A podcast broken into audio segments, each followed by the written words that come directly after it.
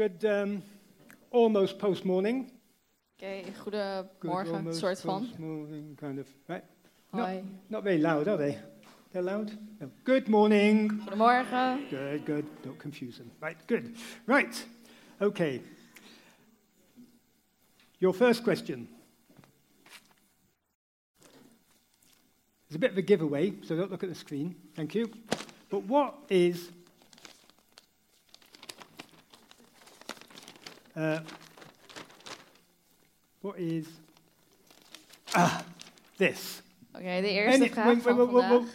Misschien is het lastig, maar This wat, is wat is dit? anybody over 84 can answer this. Oké, iedereen die ouder is dan? Whatever. Or 84 or Of 17 eh, or 84. 38. Wie weet wat dit is? Een, stad, een stadsplattegrond. Een, een plattegrond, een, map. Map. Een kaart.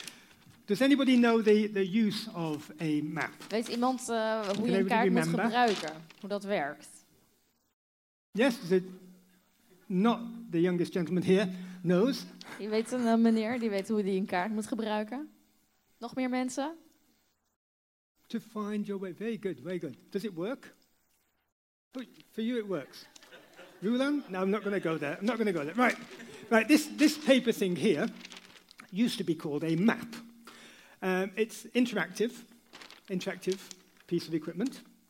Oké, dit papieren ding hier, dat heette dus een kaart. Dat heet nog steeds een kaart. En het is een interactief eh, ding. And the trick was that you would, you would, in a vehicle, preferably with windows, En het idee Closed. was dat als je in een, eh, in een voertuig reed, het liefst met ramen, dicht, uh, that you would drape this over the steering wheel, dan eh, drapeerde je dit zo over je stuur heen. Driving dangerously while looking at where you were going. Terwijl je aan het rijden was en tegelijkertijd keek je op de kaart waar je heen ging. The next step is to get completely frustrated, scramble it up, and throw it in the back of the En, car. eh, de volgende stap was dat je totaal gefrustreerd raakte en dan de kaart verfrommeld eh, uit het raam gooide. How many of us have had cars like that, full Wie, of wie heeft dat wel eens meegemaakt? thank you, thank you. Yes, there we go. Twee there you mensen. Oké. Yes, good, good, good, good. Right, we're on the same track. Good. This, though, is Emily. Ah, dit is Emily. It is actually, was actually a Navman sat nav, a very early one. En dit is eh, een van de eerste uitvoeringen van de, ja, het Britse equivalent van een TomTom. Exactly. The voice was actually Emily.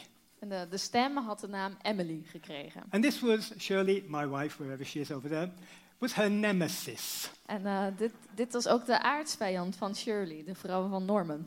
Because Shirley was actually a good navigator and didn't often. Anyway, she was a good navigator, right? Nou, Okay. Shirley is, is namelijk best een goede navigator. Ze heeft niet vaak een kaart nodig. And we still have a car with maps stuffed in the pockets. Even when we had Emily, we had maps in the pockets. En ze hebben nog steeds een eh, auto met eh, heel veel eh, kaarten aan de, aan de zijvakjes van de auto. Zelfs toen ze Emily al hadden, hadden ze nog steeds die kaarten bij zich. And what would normally happen would Emily say, turn left in 100 meters. En wat er gebeurde is dat als Emily zei, over 100 meter sla hier rechtsaf. And Shirley would say, no, no, no, no, no, no, no, no, you have to turn right in 100 meters. En, wacht, ja, en dan zei Shirley het tegenovergestelde. Dan moet je over 100 meter naar links in plaats van naar rechts. Yes, whatever. Yes, Yeah. exactly. See, you're confused. See? How did Emily get It's on? because of Emily. Right, it's because of Emily. Exactly, exactly. You, and, and she would insist that Emily had no idea where she was going or what she was talking about. En Shirley stond erop dat Emily echt geen idee had waar ze het over had. And I'm, I'm convinced that Shirley believed that Emily was the other woman. En eh, Nor- Norman is ervan overtuigd dat eh, Shirley Emily als de andere vrouw eh, zag. And it was a computer. Hey, come on. Ook al, ook al was het een computer. And I, I have to admit, some part of me, that Emily was not always 100% correct. This is true. En hij moet toegeven dat ergens Emily het niet altijd bij het juiste eind had. Dus dat klopte. But it was better than asking someone else the way, right? Maar het was nog steeds beter dan om te moeten stoppen en iemand de weg te moeten vragen. And the last time I actually did that, honestly, the last time I did that was in Renen, one night, one evening. En eh, de laatste keer dat Norman dat deed was in Renen op een avond. And I asked this person, excuse me, do you know where the fondle pad is, please? En hij vroeg, aan- hij vroeg aan iemand, "We- we- weet je misschien waar het vondelpad is? And he said, yeah, that ken ik. En die persoon zei, ja, dat ken ik. And walked away. Honestly walked away. En eh, liep toen weg. Ah. So, you see, maybe it's a man thing to not want to ask, especially after traumatic experiences, a man thing not to ask people the way. Dus misschien is dit dus een soort dingetje voor mannen. Dat ze liever niet de weg willen vragen aan mensen. Vooral niet na een traumatische ervaring zoals Norman heeft eh, meegemaakt. Exactly, exactly. And you see, society almost demands, he's got a problem here. Society almost demands that we're self sufficient, Onze maatschappij ehm, eh, verwacht namelijk van ons dat we heel erg zelfredzaam zijn. or at least that we don't ask other people for help. Of op zijn minst dat we niet andere mensen om hulp vragen. Google is fine, computers are fine, but not people. Google is prima, computers zijn prima, maar vraag vooral geen hulp aan mensen. And I'm not sure, I don't know what the word is, but there was a time when the healthcare system here changed. En, is this eh, correct? en de, de, Norman weet niet precies meer wat het woord was, maar er was een tijd dat de gezondheidszorg eh, hier anders werd ingericht. And the, the government handed everything over to the local councils. En In plaats van dat eh, het centraal werd gereguleerd, werd het verdeeld naar de, ja, de gemeentes. Yeah, is there a word for that? Was there a word? Is er nog een woord voor? Rotten. All right, all right. Cool, no, Deregulering. Fine, fine, whatever, yes. Um, and of course, because the local councils didn't have enough money, they asked, uh, people were obliged to ask friends, family, neighbors for help. Omdat de lokale gemeenten niet genoeg, eh, genoeg budget hadden eh, voor al die zorg, waren mensen ineens eh, genoodzaakt om hulp te vragen aan vrienden of familie of buren. And this was universally rejected. En dit werd eh, over het algemeen eh, geheel verworpen, dit idee. See, nobody, but nobody was going to ask the neighbor or the family to do their shopping for them. Niemand eh, wilde aan hun buren of aan hun familie gaan vragen van... hey, zou je mijn boodschappen kunnen doen? let alone prepare a meal or change their bandages. Ugh, Of, I of mean, nou helemaal niet om een maaltijd te bereiden... of misschien om hun verband te verschonen. You see, that, that would put us in, um, in a vulnerable position, really. Want dat zou je namelijk in best wel een kwetsbare positie plaatsen. And nobody, certainly not in the Netherlands, wants to be vulnerable. En eh, niemand, met name niet in Nederland, eh, wil graag kwetsbaar zijn. Amen, anybody? Kunnen we daar amen op zeggen? Yes, yes, good, good. Um, thing is, though, thing is, we were needing help has always been part of God's design for us. Punt is, hulp nodig hebben zal altijd onderdeel zijn van Gods ontwerp voor ons. See, God created us with a need to be helped. God heeft ons eh, geschapen met een soort behoefte om geholpen te worden. So asking for help is not an admission of failure, really, Dus om hulp vragen is niet een soort erkenning dat je gefaald hebt. But it's kind of recognizing that, okay, so this is the way God built me. Het is eigenlijk gewoon herkennen en erkennen van hoe God je gemaakt heeft. See, in the Garden of Eden, God provided Adam with uh, food, water, even breath, even air. Want in het Hof van Eden, toen gaf God aan Adam eh, eten, eh, drinken, maar ook de adem die hij nodig had om te kunnen leven. But he also created Adam to need help in. A, you know, have you, uh, can you think, think of this? I mean, it's got, even got penguins. Fancy all the cleaning up after this. I mean, who, poor Adam, poor guy, he's got all this work to do, and he's got to do it on his own. Huh? Right? Don't need to translate any of that. Good. Right. So, what he did, he gave him a, another human to help him. God gaf Adam uiteindelijk ook eh, nog een mens om hem te helpen. In Genesis 2, verse 18, it says, God says, it's not good for man to be alone. Man, kind of general, plural, one person, that's all there was there. I will make him a suitable helper. En in Genesis 2, vers 18 staat: En de Heer God zei: Het is niet goed dat de mens alleen zij. Ik zal hem een hulp maken die bij hem past. Jolly good. Eve. Eve. Eva. You see, God designed us to need help from one another. He designed us interdependent. En Dit is namelijk hoe God ons ontworpen heeft. Hij heeft ons ontworpen zodat we afhankelijk zijn van elkaar. Problem is that, that sometimes we, you're laughing. Stick out poor donkey. Hey, come on. Not fun being up in the air, really. I know. Right. Sometimes we avoid asking him, though. Um, we, we say, I, sh- I should be able to do this on my own. Uh, I'm supposed to succeed. I, I just need uh, to push through. En maar het punt is dat we vaak vermijden om hulp te vragen. Of dat nou aan mensen is of aan God. Omdat we het idee hebben, oh, maar dit, dit zou ik gewoon moeten kunnen. Of ik moet gewoon even doorbijten. En dan, dan komt het wel goed. Kan het wel alleen. All, all noble attitudes and all things we, we absolutely must do. Op zich zijn dat prima houdingen. En dat zijn ook dingen die je moet doen. But sometimes we just need to ask someone else for help. Maar soms is het ook goed om juist aan iemand anders wel hulp te vragen. And sometimes we, we avoid asking for help because maybe we don't want to be a burden to other people. En soms vermijden we het om hulp te vragen omdat we andere mensen niet tot last willen zijn. We don't want to drag someone else down with our problems and our pain and our hassles and hang-ups. En we willen andere mensen niet meeslepen in onze problemen, in onze pijn, in ons verdriet. Alle dingen waar we soms in vastzitten. Yeah, it's not, not fair to ask someone else to carry this weight. Het is dan niet eerlijk om aan iemand anders te vragen: hey, kun je me helpen om deze last te dragen?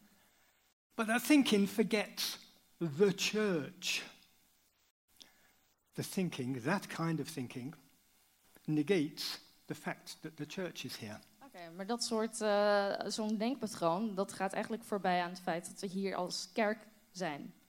That God wants us to help each other Want God wil namelijk dat we elkaar helpen. when we're struggling.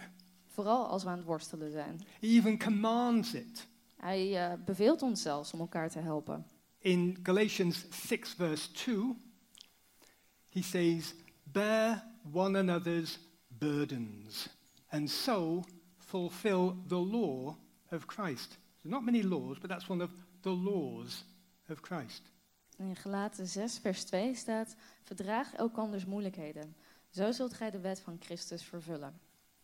You see, God's given us, each of us, different strengths, different prowess.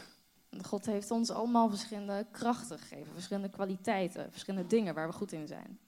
And when we are weak in one particular area and call on somebody who is strong in that area, Want als wij zwak zijn op een bepaald gebied en we vragen hulp van iemand die juist sterk is in, of de- op dat gebied, then we give them the opportunity to exercise the gifts God has given them. dan geven we die persoon op eh, hun beurt ook weer de kans om hun eh, kwaliteiten te oefenen of uit te oefenen die God hun gegeven heeft. I would say that's kind of win-win, really, wouldn't you? Dus uiteindelijk is dat een win-win situatie. But there are hindrances to calling out for help, especially in a church setting like this. Maar er zijn wel belemmeringen als je om hulp wilt vragen, vooral in een soort kerksetting zoals deze. Maybe we're afraid uh, to be seen to be needy. Misschien zijn we bang dat mensen ons gaan zien als eh, behoeftig of hulpbehoevend. Maybe we have a, a, a reputation to uphold or an image to uphold. Misschien hebben we een bepaalde reputatie die we graag intact willen houden of een bepaald imago. People will see us walking up for prayer. Misschien eh, denken we, oh, straks zien mensen me daarheen lopen en dan weten ze dat ik gebed nodig heb. And maybe they'll be a bit, a bit shocked. Misschien zullen ze dan wel gechoqueerd zijn. That's actually one of his shocked poses, really. Ik weet niet wie dat is. Yeah. it's true. Good girl. Right. But I don't think anyone's going to be shocked. Come on, guys. Maar ik denk niet dat uiteindelijk iemand hier heel erg gechoqueerd gaat zijn. You see, see, none of us are self-sufficient, completely self-sufficient. Uiteindelijk is niemand van ons helemaal zelfredzaam. Ultimately, none of us can really manage everything on our own. Niemand van ons kan alles helemaal in zijn of haar eentje dragen. And in fact, a colleague once told me that in order to be a leader, in order to lead, you have to admit your inadequacy. Een collega zei ooit, als je een, eh, een goede leider wilt zijn, om leiding te kunnen geven, moet je ook in staat zijn om je ehm, ehm, is dat, eh, kwetsbaarheid toe te kunnen geven. Of te kunnen zeggen, ik kan dit niet. Otherwise, others are going to compare themselves with you and always find themselves lacking if you come off as being perfect. Anders gaan andere mensen zichzelf met jou vergelijken. En dan denken ze, oh, ik schiet altijd tekort vergeleken met die en die. Want die is eh, zo fantastisch of zo perfect. Dan schieten ze altijd tekort. You see, not showing our needs gives us, doesn't give us credibility in other people's eyes. It creates distance. Dus als je, je je behoefte, je kwetsbaarheid niet toont, in plaats van dat we daardoor ehm, ja, credibility, eh, meer waardigheid krijgen of ehm, eh, aan waardigheid toenemen in de ogen van anderen, zorgt het juist voor afstand. Biggest problem, though, it doesn't just stop with not asking people for help. Het probleem is ook dat het niet alleen gaat om het niet durven vragen van hulp aan andere mensen. We even slide sometimes into an attitude of not wanting to ask God for help. Het kan ook wel een houding worden waardoor je eh, soms God ook niet meer om hulp vraagt. Maybe we don't want to bother him. Misschien eh, willen we hem niet eh, lastigvallen. Maybe we think he's not interested. Misschien denken we dat hij niet geïnteresseerd is. Surely it must be draining for him to hear me ask for help over and over and over and over again. Het moet toch echt slopend voor hem zijn als hij iedere keer van mij hoort eh, dat ik hulp nodig heb. Maybe he's bored. Misschien, misschien is hij wel verveeld.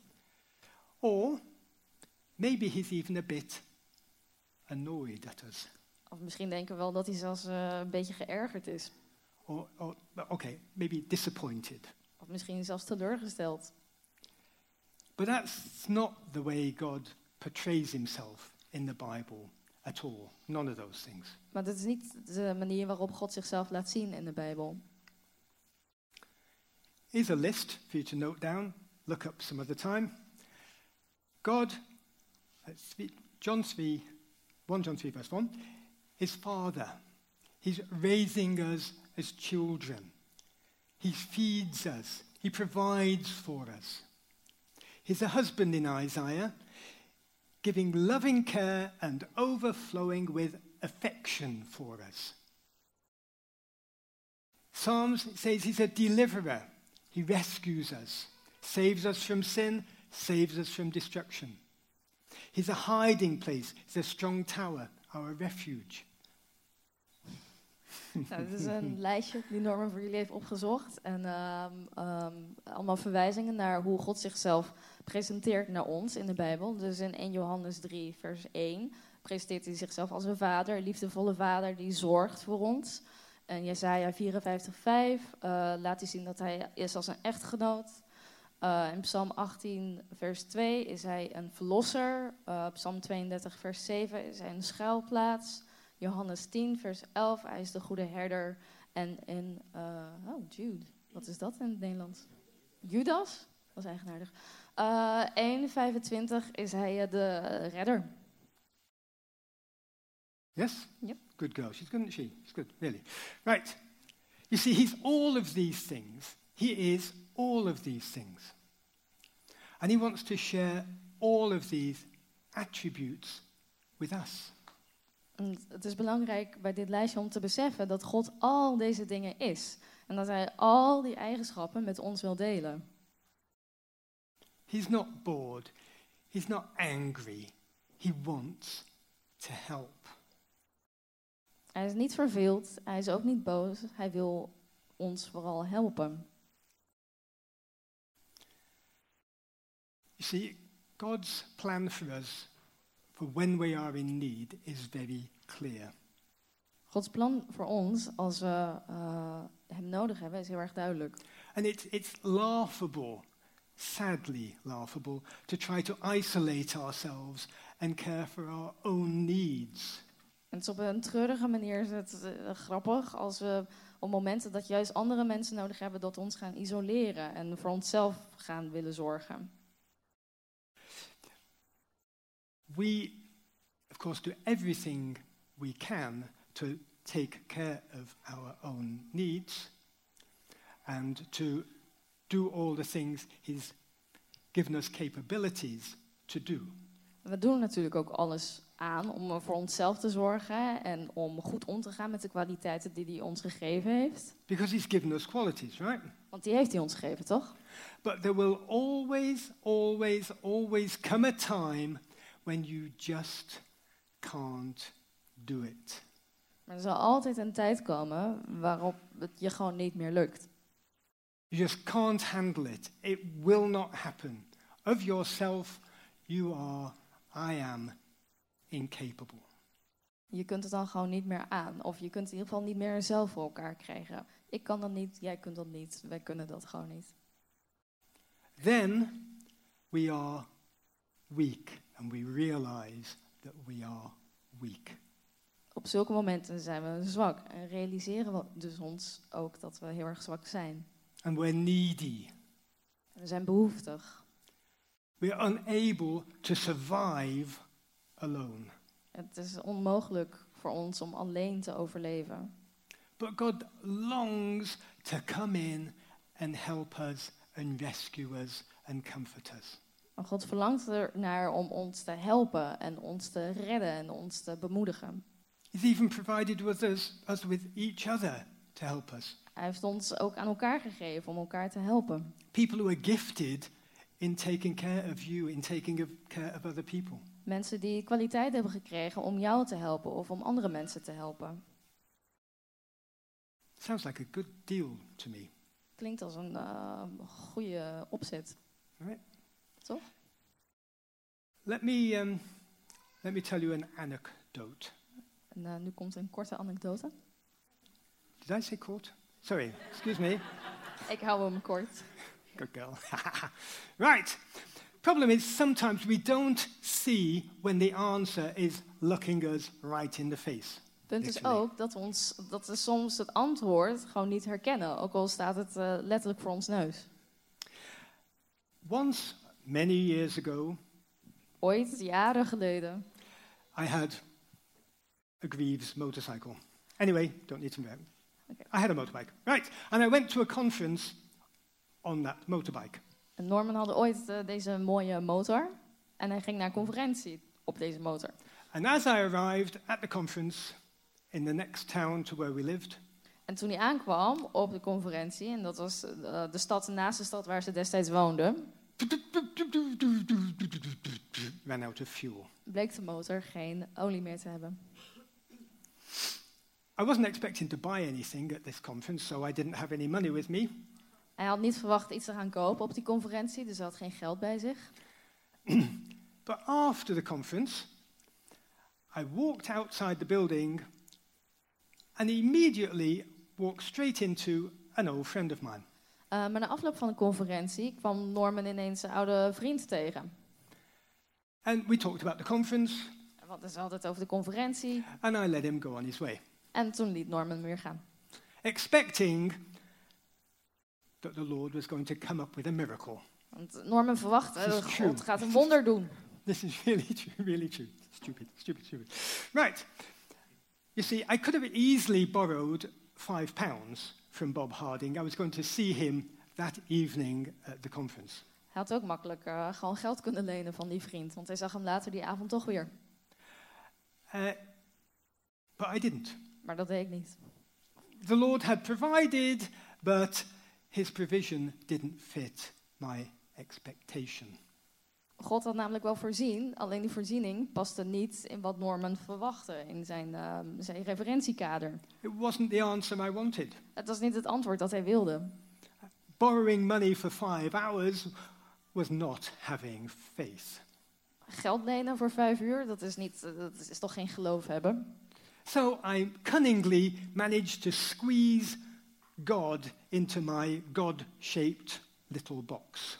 Dus wat hij daar eigenlijk deed, was God in een soort doosje stoppen in de vorm die Norman voor hem had uitgedacht.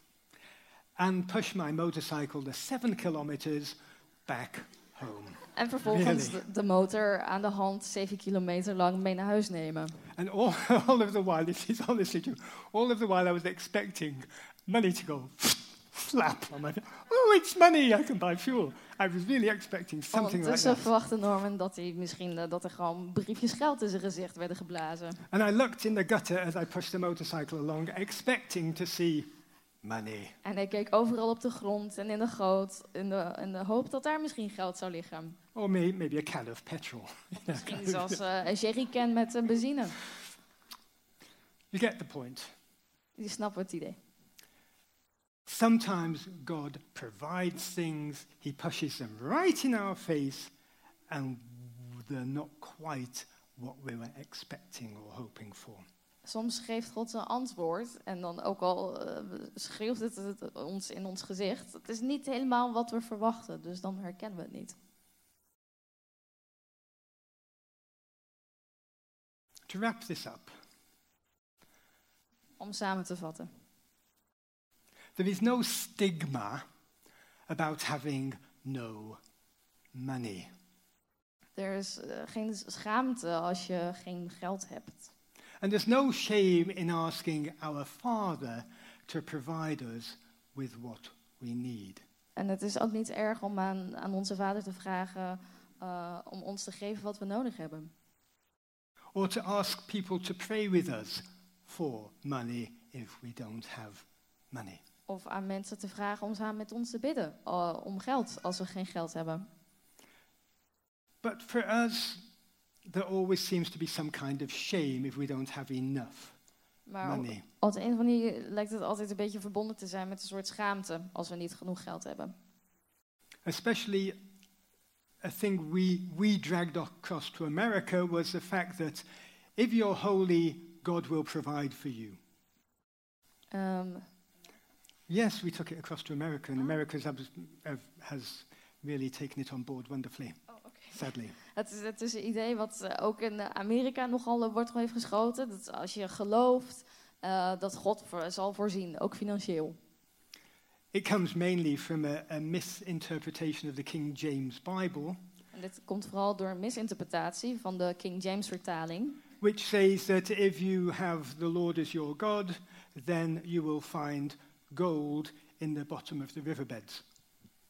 En daar staat een zin in, dat is vertaald in het Engels als zijnde if, if God is... If, als if, je- if God is your God, Oh ja, als if God you're holy, ja, als God jouw God is, dan zul je goud vinden in de rivierbedding.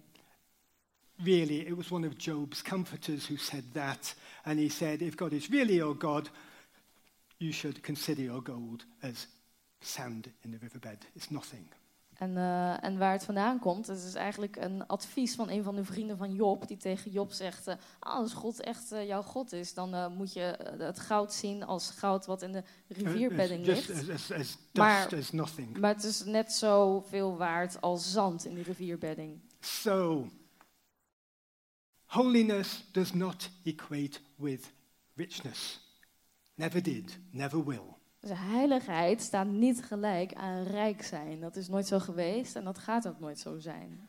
And the golden era here in Holland was not because people were so loyal to their God, but they- because they exploited slaves. En de Gouden Eeuw in Nederland, dat was niet een hele rijke eeuw omdat mensen zo loyaal waren aan God, maar omdat we slaven hebben uitgebuit. Right now, right now, this moment, En eh, op dit moment the world's eight richest people zijn de acht rijkste mensen op deze wereld control the same wealth between them as half of the poorest people on the planet. Dus de acht rijkste mensen eh, op de planeet op dit moment hebben onderling net zoveel rijkdom als de helft van het aantal armste mensen op deze wereld. Just a handful of very rich men, led by Bill Gates, Dus een handjevol extreem rijke mannen met Bill Gates voorop. who are worth the equivalent of 3.6 billion people.